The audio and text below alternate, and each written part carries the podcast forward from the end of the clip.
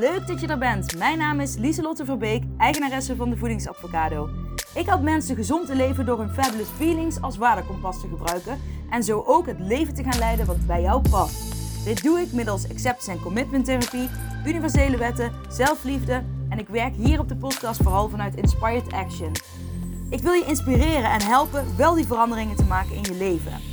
Ben je er klaar voor? Woehoe! Let's go! Hola, hola! Leuk dat je weer intuned bij mijn podcast. Jee, leuk, leuk, leuk. Ehm, als je deze podcastaflevering luistert, is het vrijdag. Nou ja, dat hoeft helemaal niet. Ik neem, nee, deze komt vrijdag online. Misschien luister je wel op zaterdag, maar deze komt aanstaande vrijdag online. En ik ben, ik zeg aanstaande, omdat ik, uh, het is nu maandag. En um, zoals ik al verteld heb in de vorige podcastaflevering, ben ik dus aan het vooruitwerken. Uh, ook in mijn vakantie. Ik ga dit wel vaker doen. Ik merk wel, um, ja, ik wil er nu dus ten minste vier achter elkaar gaan opnemen. De bedoeling is dat ik er deze week uh, acht opneem. dus dat uh, gaat nog wel even tijd kosten. Maar ik dacht, poeh, vier achter elkaar, vier verschillende onderwerpen.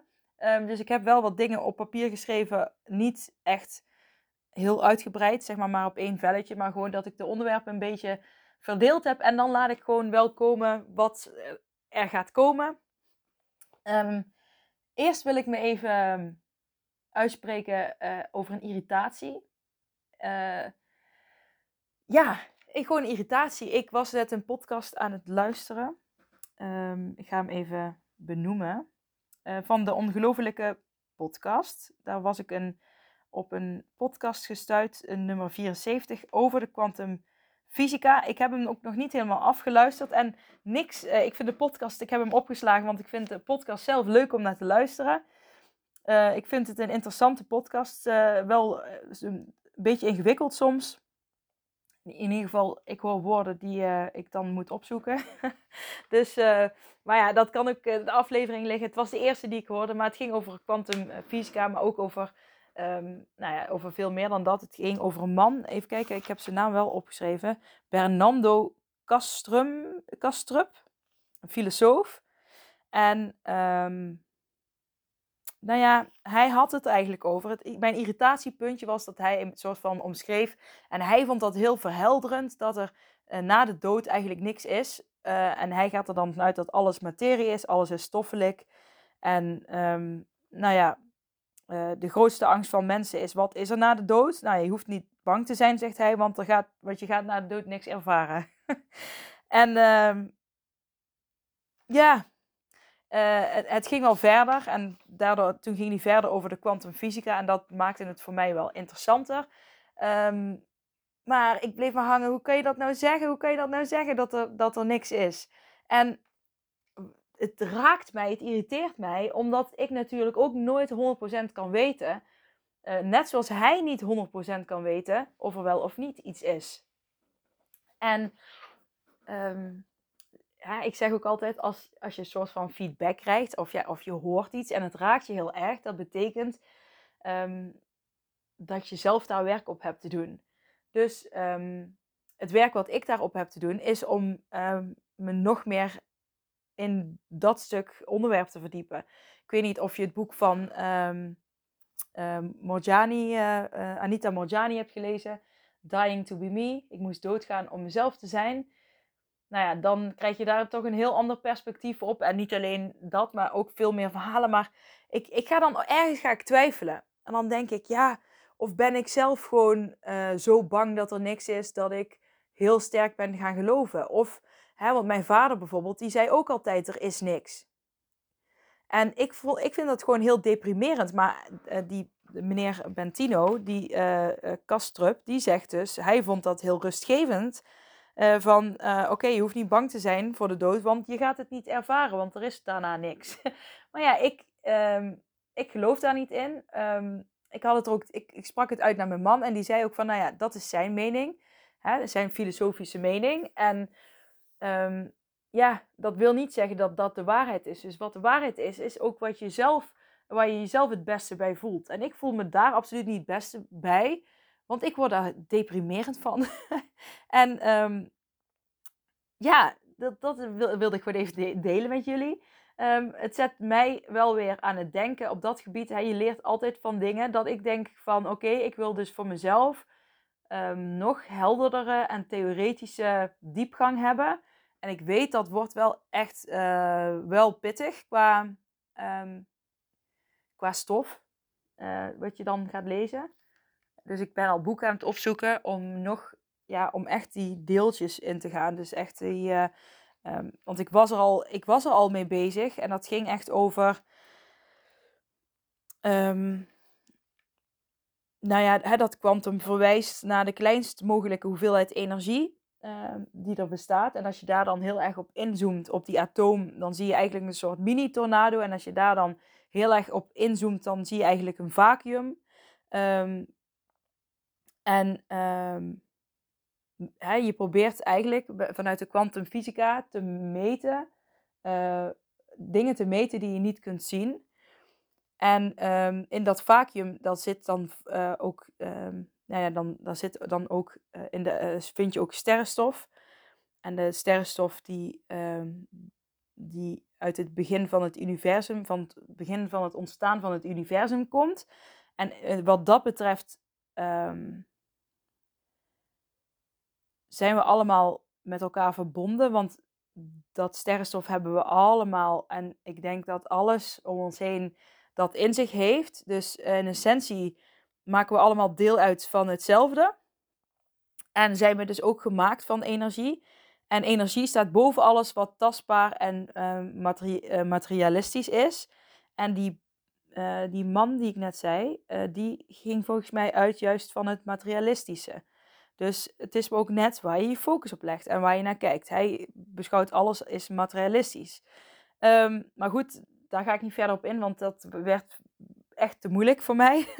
um, uh, dus ik ga, maar ja, dat vond ik ook minder interessant. Dus dan sla ik dat ook minder op, omdat ik dat stuk energie, daar geloof ik gewoon veel meer in. En dat ervaar ik ook. En uh, ik, ik vind het ook stom dat ik dan aan mezelf ga twijfelen.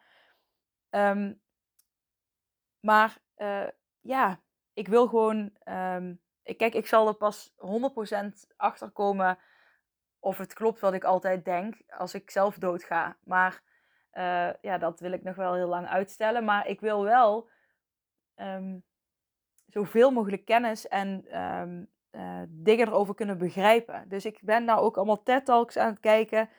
En ook dingen die ik dan niet begrijp, die ik dan zes keer moet kijken, omdat dat te na natuurkundig is voor mij.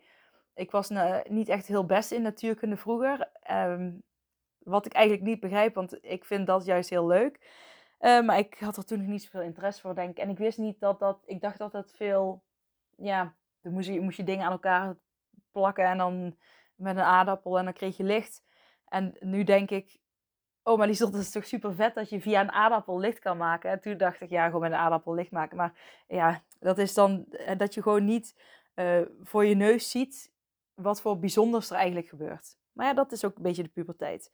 Maar anyways, en ik had ook... Um, uh, wat had ik nou ook ontdekt? Aan het eind eh, van de dag zijn al je mentale indrukken, um, in welke vorm dan ook, je realiteit. Um, ja, het, ik laat het even hierbij, want uh, ik kan het wel gaan uitleggen, maar dat wil ik liever voor een andere podcastaflevering bewaren. En ik had daaraan uh, toegevoegd, wat was het ook weer? Je bent wat je denkt, vormt je omgeving. Dus aan het, hè, dat je aan het eind van de dag zijn je mentale indrukken in welke vorm dan ook jouw realiteit. En je bent wat je denkt, vormt je omgeving. Maar hier ga ik een andere podcastaflevering dieper op in. Maar ik wilde het gewoon, ik moest het even benoemen, want het was een irritatiepuntje. Kijk, en nu kan ik nog lekker dit doen. Maar als ik daar, nou, hè, hoe meer podcastafleveringen nu achter elkaar opneem, hoe minder ik natuurlijk uh, mijn leven leef en dingen meemaak die ik kan bespreken in de podcast. Maar misschien, uh, ik, ik ben ook benieuwd wat er gaat komen. Anyways, uh, dit was de intro. um, ik ga er gewoon even goed voor zitten, want ik wil het vandaag met jullie hebben over um, grenzen aangeven. En ik um, moest ineens denken aan een, uh, een AA die ik heb gehad, een awesome avocado. En zij vertelde tegen mij: als ik over mijn grens ga, dan uh, heb ik geen grens meer. Dus als ik over mijn grens ga, heb ik geen grens meer. En ja, dat vond ik een hele interessante opmerking. En uh, ik had hem nog nooit gehoord, maar ik herkende hem zelf eigenlijk wel meteen. En ik weet niet of jij hem herkent. Als ik over mijn grens ga, heb ik geen grens meer. En toen besefte ik me dat heel veel mensen dit eigenlijk hebben. Dat als je over je eigen grens heen gaat, dat je geen grens meer hebt. Als je zegt, ik, ga, ik wil maar vijf uh, glazen alcohol drinken of drie, en je gaat er overheen, dan merk je vaak dat het ineens heel lastig wordt om te stoppen. En dat je helemaal volledig over je grens gaat en die grens ook niet meer voelt. Hetzelfde als dat je uh, in een bepaalde eetbui zit, dat je dus ineens heel die grens niet meer voelt en gewoon helemaal los kunt gaan. En dat kan op allerlei, hè, op verjaardagen, als je eenmaal uh, uh, iets gegeten hebt, dat, dat je dan uh, hè, van tevoren zeg je: Ik ga niks eten, ik ga niks eten, ik ga niks eten. En dan eet je iets en ben je over die grens gegaan en ineens, bam, helemaal geen grens meer. En um, dat vind ik wel interessant. En ik dacht, ik ga jullie, um, nou, ik heb acht stappen om dus wel weer je grens uh, te gaan voelen. En nou ja, om, uh, om je op weg te helpen om dit anders te gaan aanpakken. Hè, dus ik weet niet of je je herkent in uh, gegeven voorbeelden. Misschien heb je er zelf ook nog wel.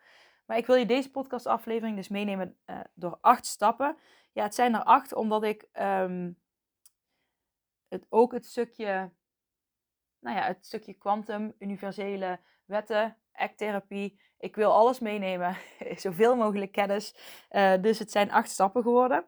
Um, deze heb ik dus wel even opgeschreven van tevoren, omdat ik dus anders, uh, ja, ik ga vier podcastafleveringen opnemen en ik wil niet uh, alle stappen door elkaar gaan zeggen.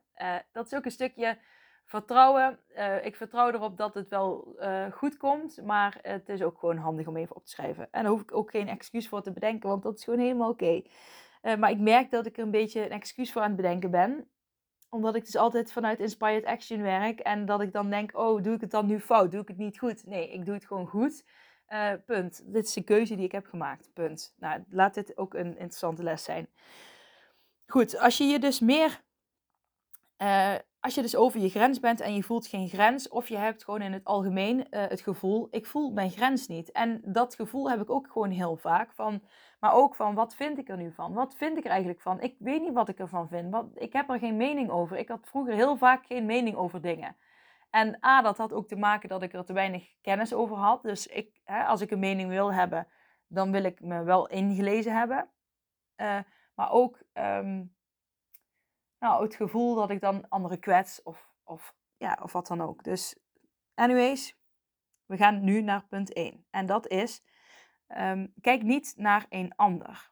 En daar bedoel ik mee, stel je voor, jij voelt jouw eigen grens niet, of je bent over je grens heen gegaan.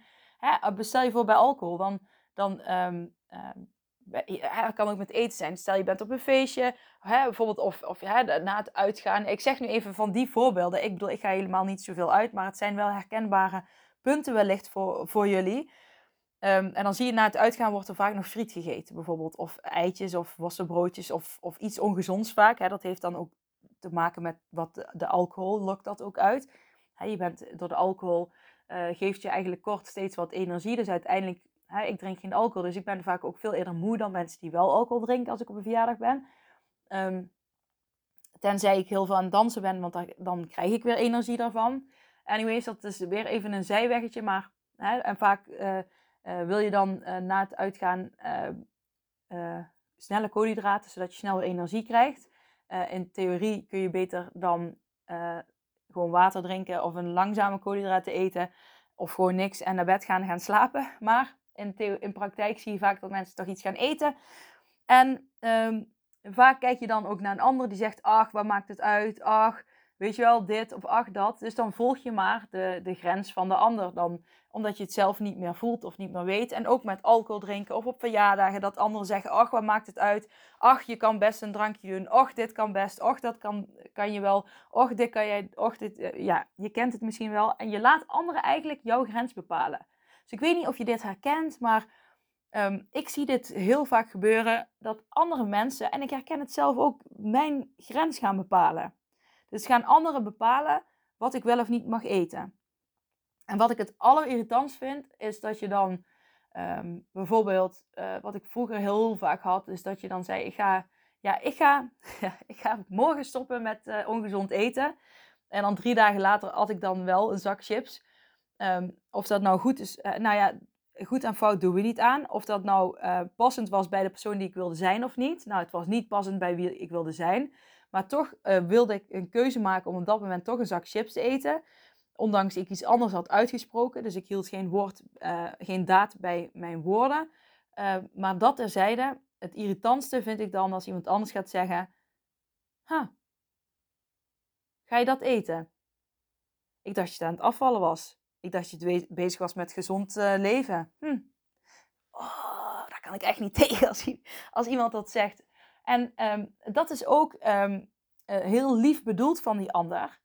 Maar het, het gaat je niet helpen. En waarom niet? Omdat dit van binnenuit moet komen. Dus je moet je grenzen niet ehm, en je motivatie ook niet bij een ander leggen. Ja, je kunt je door een ander laten inspireren. Hè, maar laat je zo inspireren dat je het uiteindelijk uit jezelf kunt halen.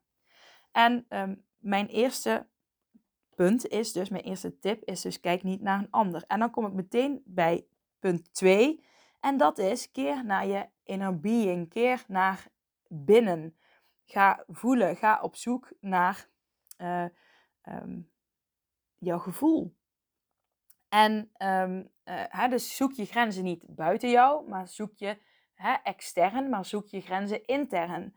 Dus punt 2 is, keer naar binnen. Um, punt 3 is dat je gaat kijken, wat wil ik? En schrijf dat op, wat wil ik? En um, uh, het kan bijvoorbeeld, uh, stel je voor, hè, bijvoorbeeld ik ben laatst op kamp geweest. En uh, op groep 8 kamp. En um, nou ja, er werd ook gevraagd, wil je andere keren, andere jaren nog mee? En daar moest ik, zei ik, dat ga ik even laten bezinken. En toen ben ik dus ook gaan opschrijven, ik ben er een mindmap van gaan maken. Um, met alle highs en lows. En hè, daar heb ik ook een podcastaflevering over opgenomen.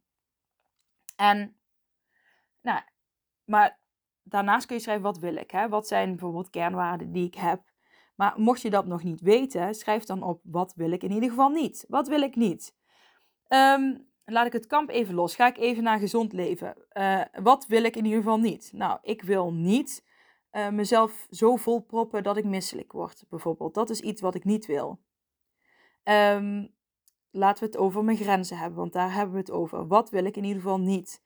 Dat um, anderen mijn grenzen bepalen. Wat wil ik in ieder geval niet met mijn grenzen? Wat wil ik niet? Dat ik. Uh, dat ik niet weet wat mijn grens is. Hmm, nou, wat wil ik wel? Want dat weet ik in principe wel bij mijn grens. Is ik wil weten wat mijn grens is. Ik wil weten wat mijn grenzen zijn.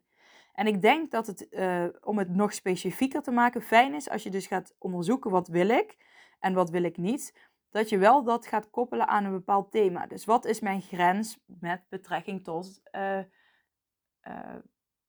uh, alcohol, verjaardagsfeestjes. En nu focus ik me alleen op eten. Maar hè, ik zeg al, een gezond leven staat, bestaat uit veel meer facetten dan alleen eten. Dus laten we ons daar ook niet alleen maar op focussen. Dus uh, hè, kijk ook naar beweging. Wat, wat, wat, is mijn, wat wil ik in bewegen? Wat wil ik in slapen? Wat wil ik in sociale contacten? En um, bijvoorbeeld, ik heb een grens. In, uh, ik wil in het weekend niet meer dan twee sociale contacten op een dag hebben. Want ik weet, zodra ik er drie heb, dan zit ik echt... Dat gaat net wel, net niet over mijn grens. waardoor ik helemaal overprikkeld raak. En al mijn energie dus ineens weggeslurpt wordt. Dus wat wil ik niet? Uh, dat mijn uh, energie weggeslurpt wordt. En wat wil ik wel? Um, maar twee uh, afspraken per dag. dus dat is dan wat ik ook ga doen. Dus dat is interessant om voor jezelf te gaan kijken. Wat zijn situaties waarin jij vaak um, het lastig vindt om je grens aan te geven? Kijk eens ook op je werk. Wat zijn situaties waarin jij het lastig vindt om je grens aan te geven? En of heb je het gevoel, ik weet niet wat ik voor grens heb of waar mijn grens ligt? Ga juist dat eens uitdiepen. En dat is dus punt 3. Punt 4 is ehm, hoe zou ik me voelen uh, als ik het al had? En daarmee heb ik, bedoel ik, ehm, stel je voor als je zegt, dit wil ik wel. Dus ik wil, um, even kijken, op het werk is een uh, collega uh, en ik wil gewoon mijn, mijn grens kunnen. Ik wil gewoon nee zeggen wanneer ze elke keer, um, ik wil nee kunnen zeggen tegen collega. En dan kan ik bijvoorbeeld zeggen, uh, wat wil ik niet dat ik alle taken moet doen en wat wil ik wel um, hè, de taken eerlijker verdelen. Daarbij moet ik mijn grenzen dus aangeven.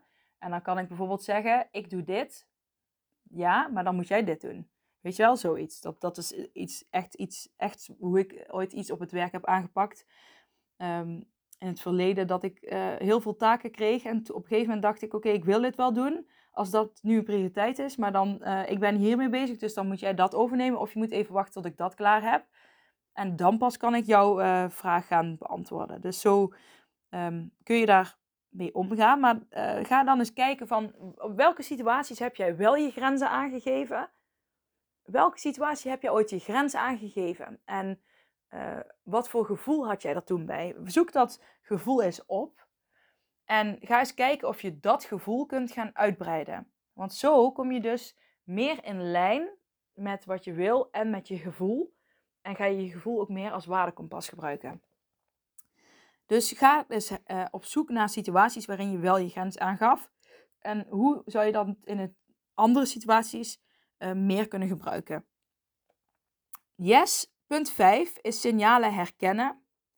En um, vaak is het fijn om signalen te gaan herkennen uh, vooraf. Dus als je weet van oké, ik kom daar op het werk en ik weet, er komt een bepaalde vraag aan mij. Uh, en daar wil ik mijn grens, uh, op, wil ik mijn grens overgeven. Daar wil ik mijn grens voor aangeven. Uh, of um, ik ga straks naar een verjaardag, daar wil ik een grens overgeven. Of um, ik, ik heb, dit is mijn sportavond en nu vraagt iemand of ik iets wil doen. Weet je wel? Um, wat vind ik dan belangrijk? Hè? Wat zijn dan signalen die ik bij mezelf herken? Bijvoorbeeld, ik ga twijfelen. Ik ga uh, eten. Als ik bijvoorbeeld niet goed weet wat ik wil, dan, dan ga ik mezelf meer terugtrekken. Dan blijf ik zitten in mijn denken. Dan ga ik alles analyseren. En uiteindelijk val ik juist vaak een beetje stil. En het gaat erom dat je dus een beetje gaat analyseren. Um, ja, nu mag je dus even gaan analyseren uh, uh, om signalen te gaan herkennen van oké, wat zijn nou bepaalde signalen die ik vaker bij mezelf zie, wanneer ik um, uh, moeilijk vind om een grens aan te geven. Of wat, wat zijn uh, signalen die ik herken, die ik vaak doe voordat ik mijn grens uh, moet aangeven. En of het dan wel of niet lukt, um, is de tweede vraag. Hè, want misschien heb je daar dan nog andere signalen voor. Maar zijn er bepaalde signalen, herkenningspunten die, je, die jou kunnen helpen van, ah, ik voel me zo omdat ik straks mijn grens ga aangeven. Of ik voel me zo omdat ik dus eigenlijk nu iets doe uh, wat niet uh, past bij wat ik eigenlijk wil. En uh, dat voel je. En um, dat is bij het kamp is dat ook. Dat voel ik ook nog steeds. Omdat er ook wat dingen waren dat ik dacht van... Oeh, weet je wel, dat, dat, dat gaat over mijn grens. In die zin van te veel prikkels. Um, maar toch kies ik ervoor van... Oké, ik wil hier wel op doorgaan. Ik heb daar wel heel bewust over nagedacht. En ik neem dan die signalen die ik kan ervaren. Dat kunnen dus bepaalde onzekerheden zijn die opkomen spelen. Die neem ik dan voor lief. Uh, maar daar ben ik me wel bewust van. Dus ga signalen herkennen, want daardoor kun je uh, al eerder erop inspelen. Maar ook van, hé, hey, nu voel ik dit en dit weer. Heb ik dan wel mijn grens goed aangegeven? Klopt het dan wel wat ik gedaan heb? Dus uh, je kunt signalen vooraf bekijken. van, oké, ik voel me zo, want ik ga, moet waarschijnlijk mijn grens gaan aangeven. Ik voel me zo, want ik ben niet duidelijk genoeg. Of ik voel me zo omdat ik mijn grens moet aangeven. Weet je wel, dan is het feel the fear and do it anyway. Um, maar je kunt ook achteraf terugkijken van oké, ik heb een keuze gemaakt, maar ik voel me op een bepaalde manier zo. Ik had laatst een klant die had uh, een nieuwe baan.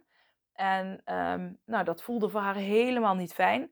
En um, je zag gewoon helemaal meteen die disbalans in lichaam en geest. Uh, en um, ja, daar moest duidelijk een grens komen. En hè, je lichaam geeft ook vaak aan dat dat je niet in balans bent. En dat zijn ook grenzen die jij mag aangeven. Dat zijn signalen die je mag gaan herkennen. En hè, waar voel je die? Uh, voel je die in je maag, in je nek, in je, in je armen? Krijg je een bepaalde uh, pijn in je schouders, een oude blessure? Het kan van alles zijn. Krijg je uitslag in je gezicht? Kan van alles zijn. Je krijgt disbalans in je lichaam. Ga die herkennen, opschrijven. Punt 7 is uh, dat je gaat afvragen: waarom doe ik wat ik doe en wat levert het me op? En dat is een hele interessante. Als jij bijvoorbeeld uh, over je grens heen gaat, dan levert jou dat iets op. Wat levert over jouw grens heen gaan jou op? Misschien voorkomt het een discussie, misschien voorkomt het een ruzie. Misschien denk je, ach, dan is het voor de anderen makkelijker.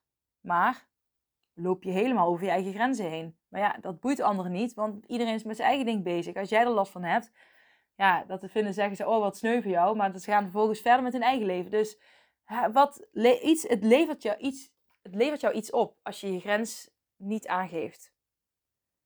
Wat levert het je op? En probeer daarachter te komen en probeer daar op een andere manier mee om te gaan. En juist je grenzen aangeven zorgen voor meer balans in je lichaam en in je geest. Dus um, dat is een mooie om verder te onderzoeken. Yes. Punt 7. Ik kijk even of de opname nog loopt. Yes. Is uh, bewust keuzes maken. Dus um, hoe ga je bewust keuzes maken? Oh, mijn kinderen staan ineens voor de deur. Nou. ja, je hebt een verrassing. Hey, goed. Je hebt schoenen gevonden. Nou. Goed zo. Heel goed. Nou, nou naar papa. Nou, echt hè? Ja, uh, is mijn man thuis om, uh, zodat ik deze podcasten uh, lekker rustig op kan nemen. En staan ze nog hier voor de deur. dus ik ga daar mijn grenzen even aangeven. maar wel op een nette manier. En dat is trouwens ook even, dat is geen punt in deze acht punten lijst. Maar je grens aangeven hoe doe je dat? Is namelijk, dat is even een tip, die heb ik ook geleerd bij mijn therapieopleidingen. En je begint altijd bij, nou je kan sowieso zeggen, gewoon nee dat doe ik niet. Of nee dat ga ik niet doen. En dan krijg je vaak de vraag, waarom niet? He, gewoon meteen duidelijk zijn, nee doe ik niet, ga ik niet doen. Je hoeft niet altijd jezelf helemaal uit te leggen. Nee is ook een antwoord. Maar toch, er wordt, komt vaak voor dat mensen dan vragen, oh, maar waarom wil je dat dan niet? En begin dan altijd bij ik, niet bij jij. Van jij doet dit en dit, dus uh, daardoor is het een drama. Nee, bla. Want dan ga je de ander voor zijn gevoel aanvallen. En dan krijg je tegengedrag, lok tegengedrag uit. En je moet juist uh, meer leidend en samen zitten. Dus hè, jij neemt de leiding over je eigen leven. Dus hè, grens aangeven. leidend gedrag uh, lokt volggedrag uit. Dus, en volggedrag lokt leidend gedrag uit. Dus als jij heel erg in jezelf heel ja, volgbaar opstelt. Of, ja, dat, dat, de ander, dat jij de ander jou laat leiden. Dan geef jij je grens aan en dan zegt de ander... ja, maar dat kan je toch makkelijk zo, zo doen. Uh, weet je wel, je gaat dat gewoon doen, punt. En dan zeg jij, oké, oké, dan ga ik het wel proberen. Hè, dat is andersom, nee. Maar nu, jij bent meer leidend en samen. Dus leidend samen, daar ga je zitten. Dus dat betekent ook vriendelijkheid en... Um, uh, dus je hoeft niet boos te kijken of wat dan ook. Je kan gewoon vriendelijk zeggen: nee, dat ga ik niet doen. Ik voel me er niet prettig bij om zo en zo te doen, omdat uh, nou, ik krijg een rotgevoel van, of ik voel me uh, daardoor onbegrepen, of ik voel me gewoon niet fijn daarbij. Um, nou, of wat de reden dan ook is. Ik voel me daar niet prettig bij om zo en zo.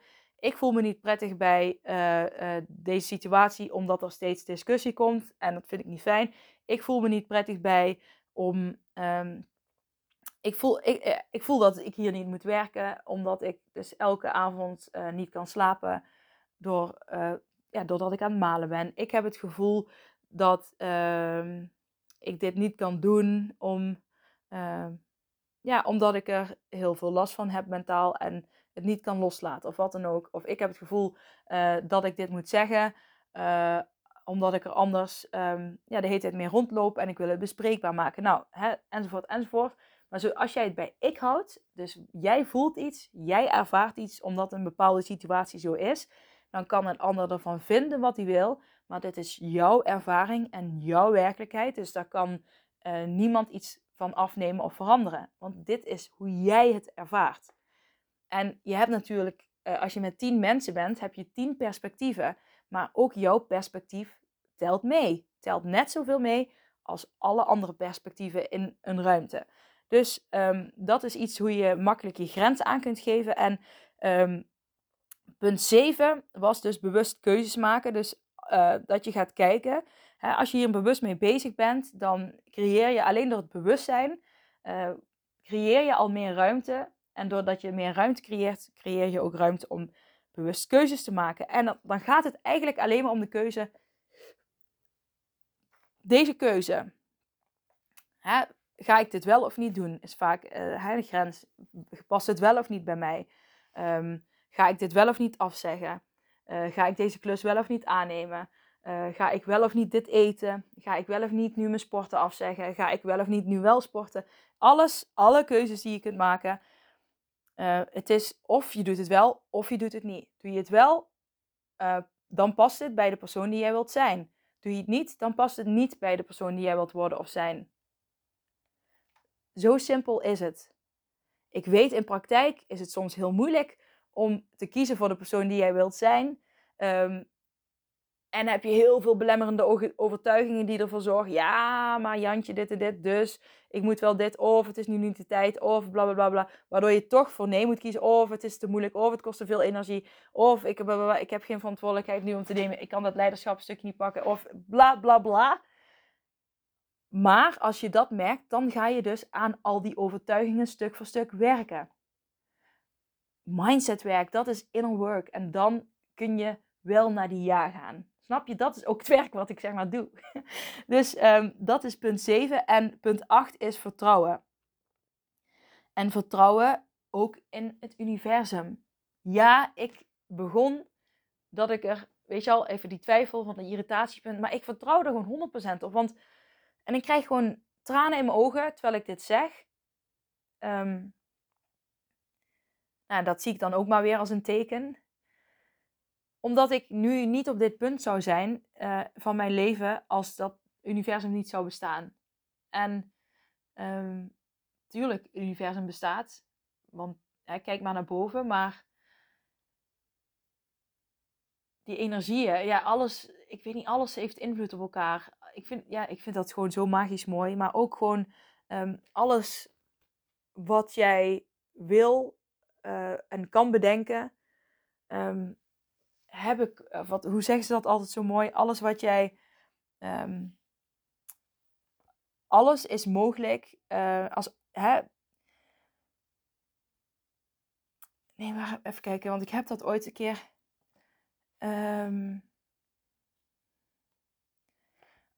als jij een bepaald verlangen hebt, je wil heel graag iets. Uh, alles wat je kunt bedenken, uh, alles wat jij wil hebben, zijn of doen, bestaat in potentie al in het kwantumveld, zeggen ze. Hoe snel het naar jou toe komt, is afhankelijk van hoezeer jij je energie afstemt op dat verlangen. En um, hè, dat heeft ook te maken met punt 4, wat ik zei, hè, van hoe het iets voelt. Um, en je, dat gevoel, uh, wat je dus al vaker hebt ervaren met betrekking tot die grens, om dat te vergroten. En dat te koppelen aan jouw uh, verlangen, aan wat je wil. Um, en als je daarop af gaat stemmen, dan mag je er ook op vertrouwen dat het universum jou, she got your back, of he, of it. um, maar dat je erop mag vertrouwen dat, dat zij jou daarbij zullen helpen. Dus dat is punt 8. En niemand weet wat goed voor jou is behalve jijzelf. En daar wil ik deze podcastaflevering mee afsluiten. Um, geef me alsjeblieft 5 sterren op Spotify of uh, geef me uh, positieve feedback als jij graag naar deze podcast beluistert via het podcastplatform waar jij uh, deze podcast beluistert. Ik wens je een hele fijne dag, een heel mooi weekend en ik spreek je maandag weer. Dag lieve jij. Mwah.